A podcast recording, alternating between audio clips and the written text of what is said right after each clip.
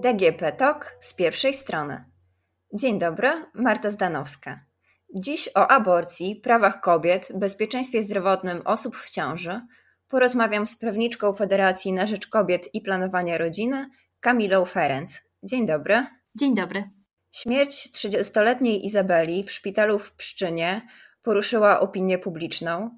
Z ratowaniem kobiety lekarze zwlekali zbyt długo, bo według relacji czekali aż serce płodu przestanie bić. Czy to efekt wyroku Trybunału Konstytucyjnego sprzed roku? Pomimo zaostrzenia przepisów aborcyjnych, ustawa wciąż zezwala na legalne przerywanie ciąży w sytuacji zagrożenia życia lub zdrowia matki.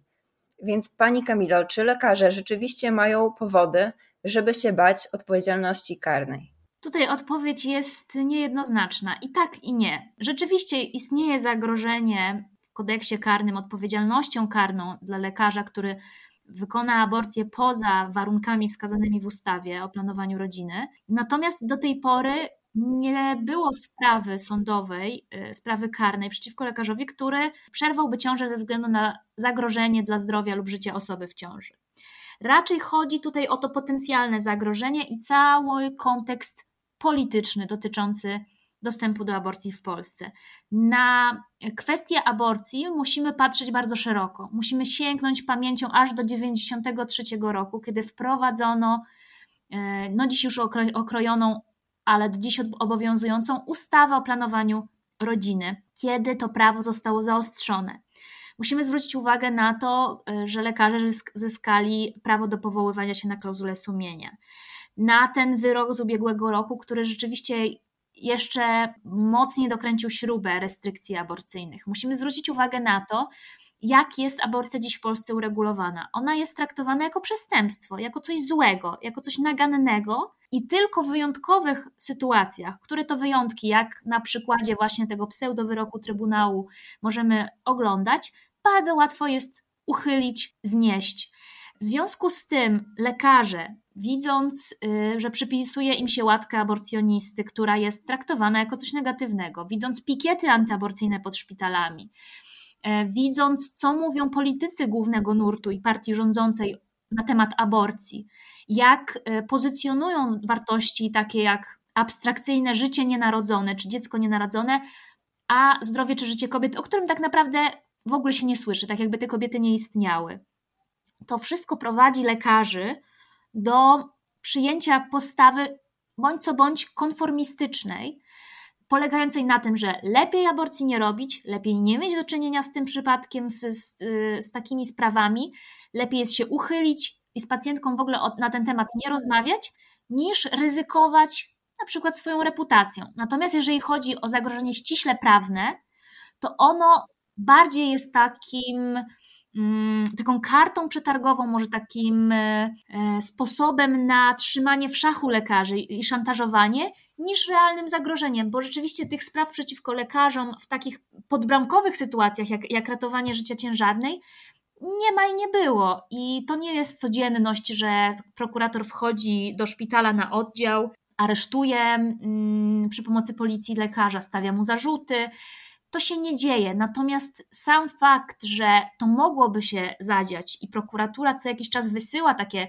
sygnały, mówiąc kolokwialnie, puszcza oko do środowiska lekarskiego, na przykład y, taką sytuacją sprzed roku y, z Białego Stoku, kiedy prokuratura okręgowa zażądała dokumentacji medycznej wszystkich pacjentek, które miały aborcję w szpitalu w Białymstoku, pomiędzy wydaniem a opublikowaniem y, wyroku Trybunału dotyczącego aborcji.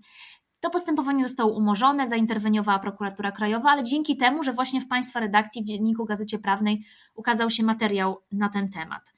Y, natomiast mimo, że to postępowanie było bezpodstawne, było taką nadgorliwością prokuratury działającej y, z zawiadomienia Fundacji Pro Prawo do Życia, czyli Fundacji ściśle antyaborcyjnej, no to trochę pokazała lekarzom, że prokuratura dzisiaj może zrobić co chce i kieruje się nie względami prawnymi czy medycznymi, ale politycznymi.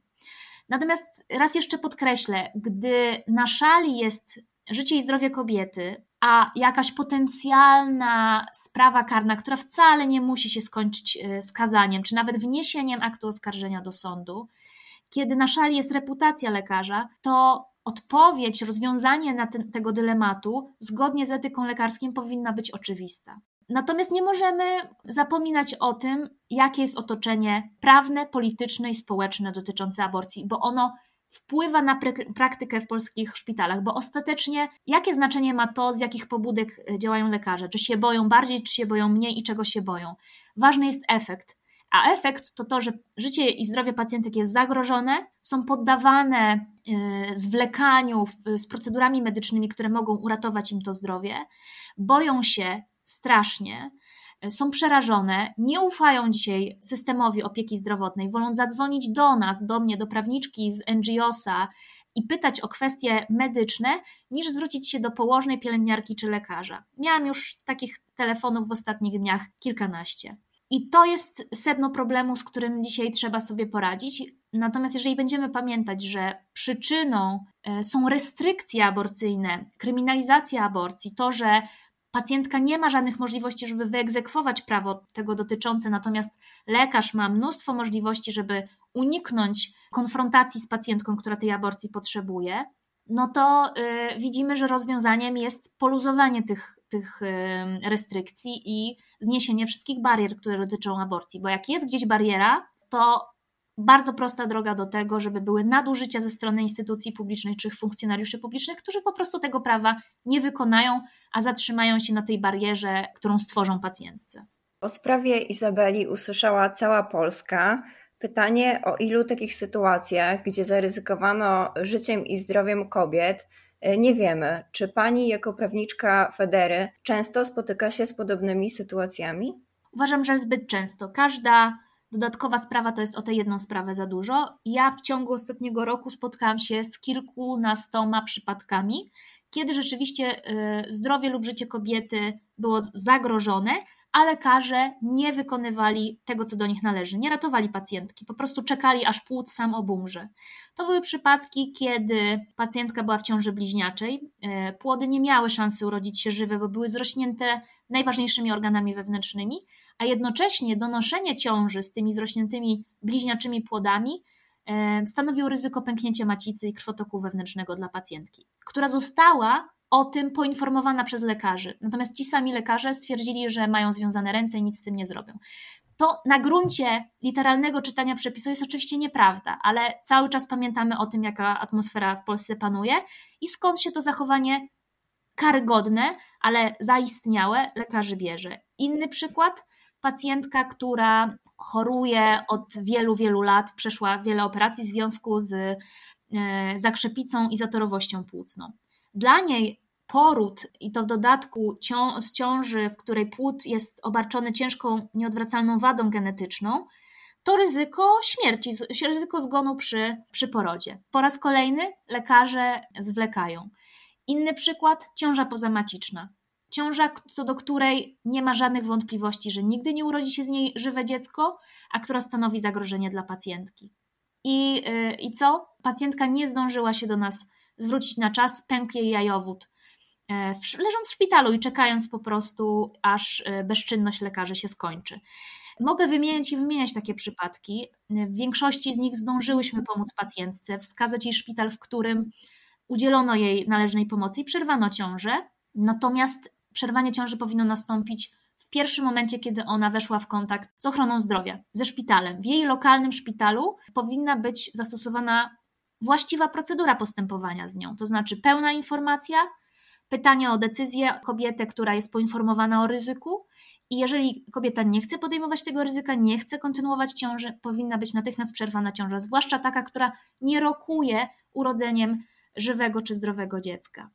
Nie wspomnę już o 300 y, przypadkach aborcji, które udało nam się wyegzekwować w Polsce w ostatnim roku ze względu na zagrożenie dla zdrowia psychicznego pacjentki. Do tej pory zdrowie psychiczne było u kobiet w ciąży zupełnie ignorowane. Nikt, nawet nikomu nie przyszło do głowy, że ciąża może powodować rozstrój zdrowia psychicznego. Natomiast w sytuacji, w której wykasowano z systemu polskiego prawa przesłankę o ciężkich, nieodwracalnych wadach płodu, doszłyśmy do wniosku, i to zdanie podzieliło wiele zespołów prawnych wielu polskich szpitali, że informacja o tak ciężkich wadach i konieczność donoszenia takiej ciąży może rzeczywiście znacząco wpłynąć na zdrowie psychiczne kobiety, jeżeli lekarz psychiatra potwierdzi istnienie takiego zagrożenia, takiego rozstroju zdrowia, depresji, nerwicy, może nawet myśli rezygnacyjnych czy samobójczych, wówczas jest to legalna podstawa do przerwania ciąży w szpitalu.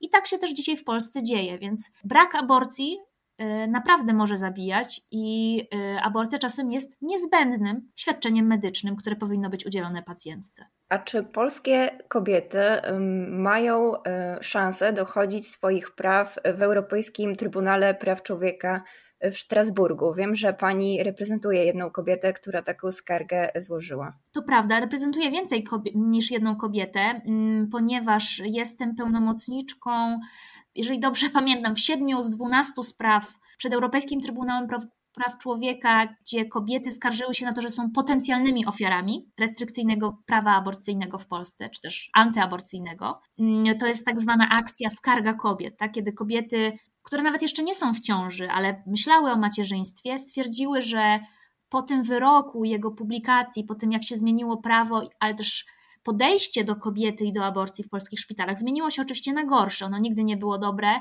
od 30 lat, od, od wprowadzenia ustawy o planowaniu rodziny z 1993 roku, ale też jakby, jakby to podejście się pogorszyło no to właśnie kobiety stwierdziły, że one nie chcą stać bezczynnie, one nie chcą czekać, aż coś złego im się stanie, one nie chcą żyć w strachu przed zajściem w ciążę i postanowiły wysłać takie skargi mm, do Europejskiego Trybunału Praw Człowieka i Trybunał stwierdził, że się nimi merytorycznie zajmie. Natomiast niedawno zakomunikowano taką sprawę dotyczącą konkretnego, indywidualnego naruszenia, gdzie rzeczywiście pacjentka pani ML potrzebowała aborcji, miała nawet umówiony termin aborcji w Polsce, ale został odwołany ze względu na publikację pseudowyroku Trybunału Konstytucyjnego i przerwała ciążę e, na własny koszt za granicą. To był nie tylko koszt finansowy, ale też koszt emocjonalny. Natomiast ja też jestem pełnomocniczką kobiet w bardzo podobnej sytuacji i takie skargi cały czas składamy do Trybunału i będziemy składać. I zachęcam też, żeby osoby, które właśnie musiały wyjechać na aborcję za granicę, bo własny kraj im nie pomógł w takiej trudnej sytuacji, y, żeby się do nas, do Federacji na Rzecz Kobiet Planowania Rodziny zgłaszały. My chętnie wniesiemy w ich imieniu taką skargę. Natomiast jeszcze nie wszystkie skargi zostały przez Trybunał zakomunikowane.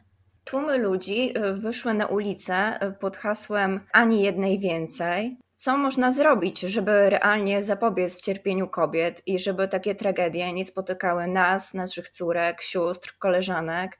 Mam wrażenie, że w tym, co pani mówiła, wybrzmiewa, jeśli się mylę, proszę mnie poprawić, ale że tylko tak naprawdę legalna aborcja na życzenie może uchronić nas przed różnymi nadużyciami. Tak, i mówię to z całą pewnością jako prawniczka, tak? To nie jest y, wyłącznie mój osobisty pogląd, to nie jest wypowiedź y, mnie jako feministki, to jest wypowiedź prawniczki, która analizując praktykę stosowania prawa antyaborcyjnego w Polsce, ale też na świecie, bo Polska nie jest y, jedynym miejscem, gdzie umarła kobieta z powodu braku dostępu do aborcji. Ameryka Łacińska zna bardzo wiele takich e, przypadków. One kończyły się między innymi przed Komitetem Praw Człowieka e, ONZ. To pokazuje, że sytuacja z przyczyny nie jest przypadkiem, nie jest kwestią jakiegoś indywidualnego błędu lekarskiego. Ona jest wynikiem polityki antyaborcyjnej, bo trzeba sobie powiedzieć jasno, tam gdzie są ograniczenia, nakazy i zakazy, gdzie Możliwość decydowania o kwestiach związanych tak mocno ze zdrowiem i życiem prywatnym, a do takich należy aborcja, kiedy ta decyzyjność jest odebrana kobiecie i ona tak naprawdę jest przedmiotem decyzji polityków, lekarzy, urzędników, którzy mówią jej, tylko odtąd dotąd możesz mieć aborcję, ale tak naprawdę nie możesz zakwestionować odmowy y, wykonania aborcji, nie, nie masz jak się poskarżyć, musisz tak naprawdę zależeć od tego, co powie lekarz, a lekarz może od ciebie wymagać bardzo wielu e, dodatkowych, niepotrzebnych dokumentów, przedłużać ten czas. Lekarz może się bać, bo przecież aborcja to przestępstwo w kodeksie karnym. To wszystko sprawia, że to prawo w praktyce jest martwe. Ono nie jest egzekwowalne w prosty sposób, właśnie z tych przyczyn, które wymieniłam. I tak naprawdę stworzenie sfery, w której to pacjentka przychodzi i mówi: Nie muszę się tłumaczyć, do 12 tygodnia ciąży mogę ją po prostu przerwać, mam swoje powody, one są ważne, one są skomplikowane, tylko ja jestem w stanie je zrozumieć. I bardzo proszę, w czasie i według sposobu przewidzianego w ustawie, proszę udzielić mi tego świadczenia. A jeżeli nie zostanie mi udzielone to świadczenie, to spotka y, podmiot leczniczy określona sankcja. Tylko wtedy, kiedy rzeczywiście będzie ta sfera decyzyjności kobiety, ale też gwarancje proceduralne, że aborcje, wykonanie aborcji przez lekarza jest obowiązkiem, za niewykonanie którego czeka sankcja, wówczas możemy mówić o tym, że, że ta rzeczywistość aborcyjna może bardziej chronić kobiety. E, natomiast co możemy zrobić? Możemy zrobić bardzo wiele. Zacznijmy od takich podstawowych rzeczy. Zacznijmy ze sobą rozmawiać o tym, czym jest aborcja, dlaczego jest potrzebna, dlaczego się dzieje, dlaczego mamy 56 milionów aborcji rocznie na całym świecie, dlaczego osoby się na nią decydują, osoby w ciąży.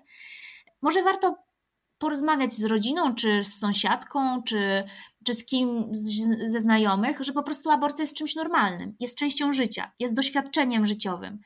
I nie nam jest oceniać powody, dla których osoby w ciąży decydują się na y, aborcję.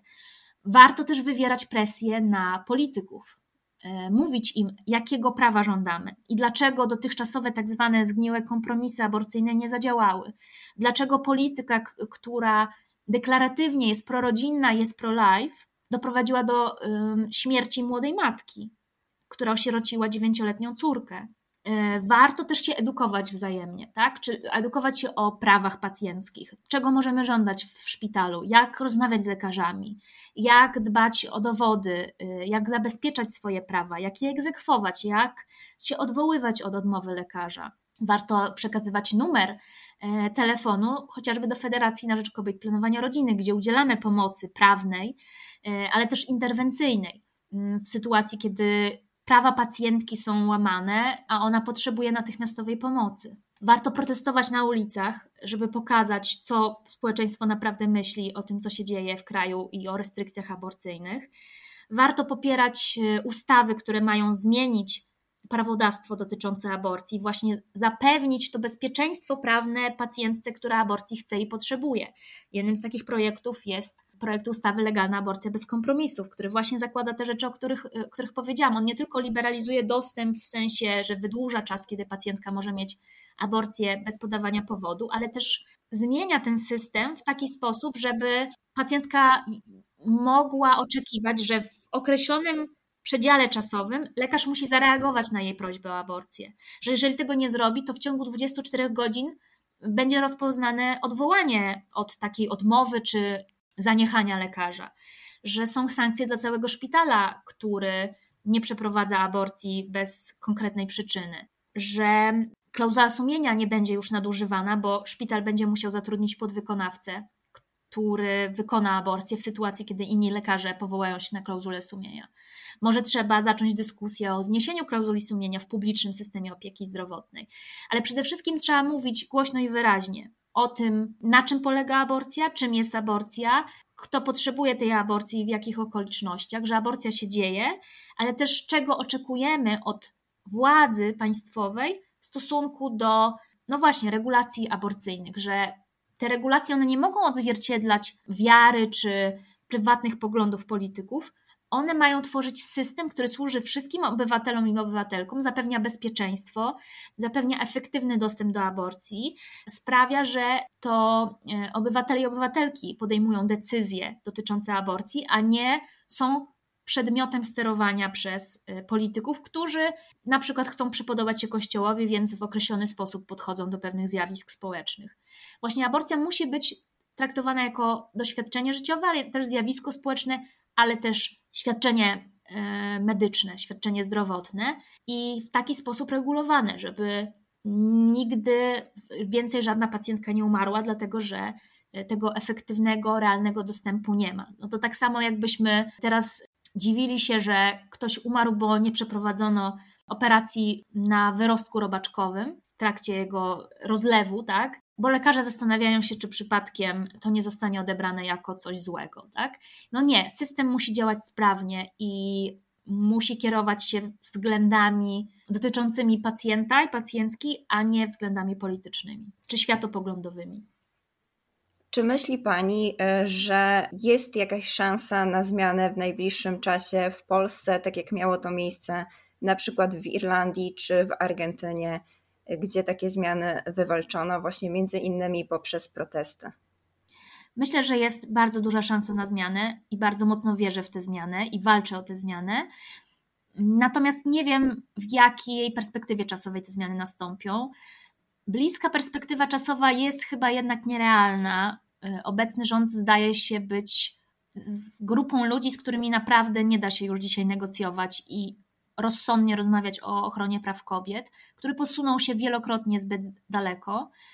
E, natomiast czyhają na nas też inne zagrożenia. Inni politycy opozycyjni, którzy są konserwatystami, znowu chcą powrotu do tak zwanego kompromisu aborcyjnego. Chcą wprowadzać, chcą organizować referenda na temat e, dostępu do aborcji, kiedy te referenda mogą zostać no jednak zmanipulowane przez polityków opcji rządzącej, którzy będą głosować nad treścią pytań i organizować, tak, decydować o terminie na przykład takiego referendum. W Polsce mamy inną sytuację niż w Irlandii, w której referendum było niezbędne, żeby zmienić konstytucję i uchylić ósmą poprawkę, która mówiła o tym, że płód jest równy kobiecie i jego życie jest bezwzględnie chronione. W Polsce wystarczy uchwalić ustawę.